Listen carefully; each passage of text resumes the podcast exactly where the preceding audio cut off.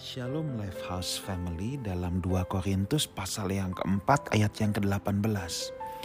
Rasul Paulus berkata kepada jemaat di Korintus seperti ini, sebab kami tidak memperhatikan yang kelihatan, melainkan yang tak kelihatan, karena yang kelihatan adalah sementara, sedangkan yang tak kelihatan adalah kekal. Saudaraku, tanpa kita sadari bahwa dalam hidup kita sehari-hari ada banyak hal yang sebetulnya yang harus kita perhatikan adalah memang hal-hal yang tidak tampak. Contohnya saja saudara ya, kenapa kalau kita ke dokter sering kali pemeriksaan itu harus cek darah, USG dan lain sebagainya. Dokter selalu ingin mencari tahu apa yang tidak tampak pada kasat mata. Memang kadangkala dalam gejala-gejala fisik dapat terlihat, tetapi yang lebih banyak adalah dokter juga mencari tahu dari apa yang tidak tampak. Sebab memang sering kali apa yang tidak tampak justru itu menjadi penyebab segala sesuatu. Justru di situ yang sering kali menjadi akar permasalahan sekaligus akar kekuatan. Tetapi masalahnya saudaraku ya kalau kita sebagai manusia, kita akan punya tendensi, punya kecenderungan, kita lebih senang untuk melihat apa yang tampak dulu, apa yang kelihatan dulu.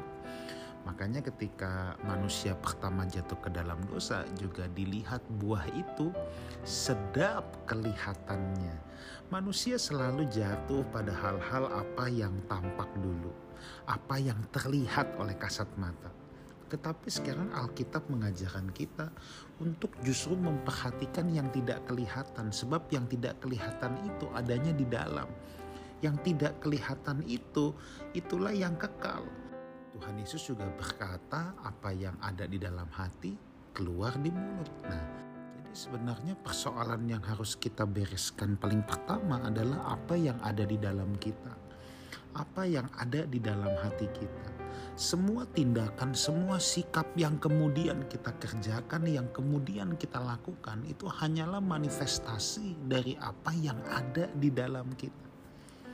Ketika kita melihat seseorang arogan, ya, seseorang merasa diri paling hebat, paling benar, paling kuat, paling berkuasa, paling suci, paling segalanya, merasa superior, melihat orang lain dengan sebelah mata, merasa dirinya tidak tersaingi.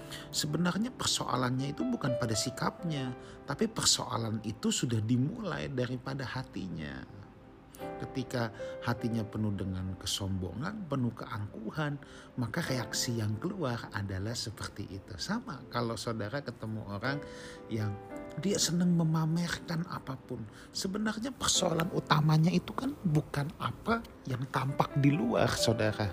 Tetapi persoalan utamanya adalah apa yang ada di dalam. Mungkin dia mencari nilai diri. Kenapa orang sampai mencari nilai diri? Karena dia tidak tahu bahwa dia berharga di mata Tuhan. Karena dia tidak pernah menyadari bahwa nilai diri dia itu darah Kristus tidak bisa dibandingkan dengan apa pun. Oh bukannya berarti semua yang pakai barang-barang bagus terus pamer enggak. Ini saya katakan orang yang bermaksud pamer. Ada orang yang pakai barang-barang bagus tapi bukan untuk pamer kok. Memang hanya pemantasan dan dia pakai biasa aja rasanya. Di sini loh saudara, ini masalah batinia. Jadi hati kita yang harus kita jaga. Jagalah hatimu dengan segala kewaspadaan. Sebab dari sanalah terpancar kehidupan. Itu kan yang kata Alkitab dalam Amsal ditulis. Jadi hati merupakan kunci. Bagaimana untuk menjaga hati kita bersih bagaimana supaya apa yang tidak kelihatan ini bisa menjadi kekuatan justru bukan menjadi sesuatu yang menghancurkan dengan menjaga hati kita. Dengan cara apa? Dengan cara kita menjaganya dengan kebenaran firman Tuhan dan selalu punya waktu untuk bergaul dengan Tuhan. Ya dengan demikian saya percaya Roh Kudus yang akan menerangi dan memimpin hati kita semua Tuhan Yesus menyertai kita semua. Haleluya.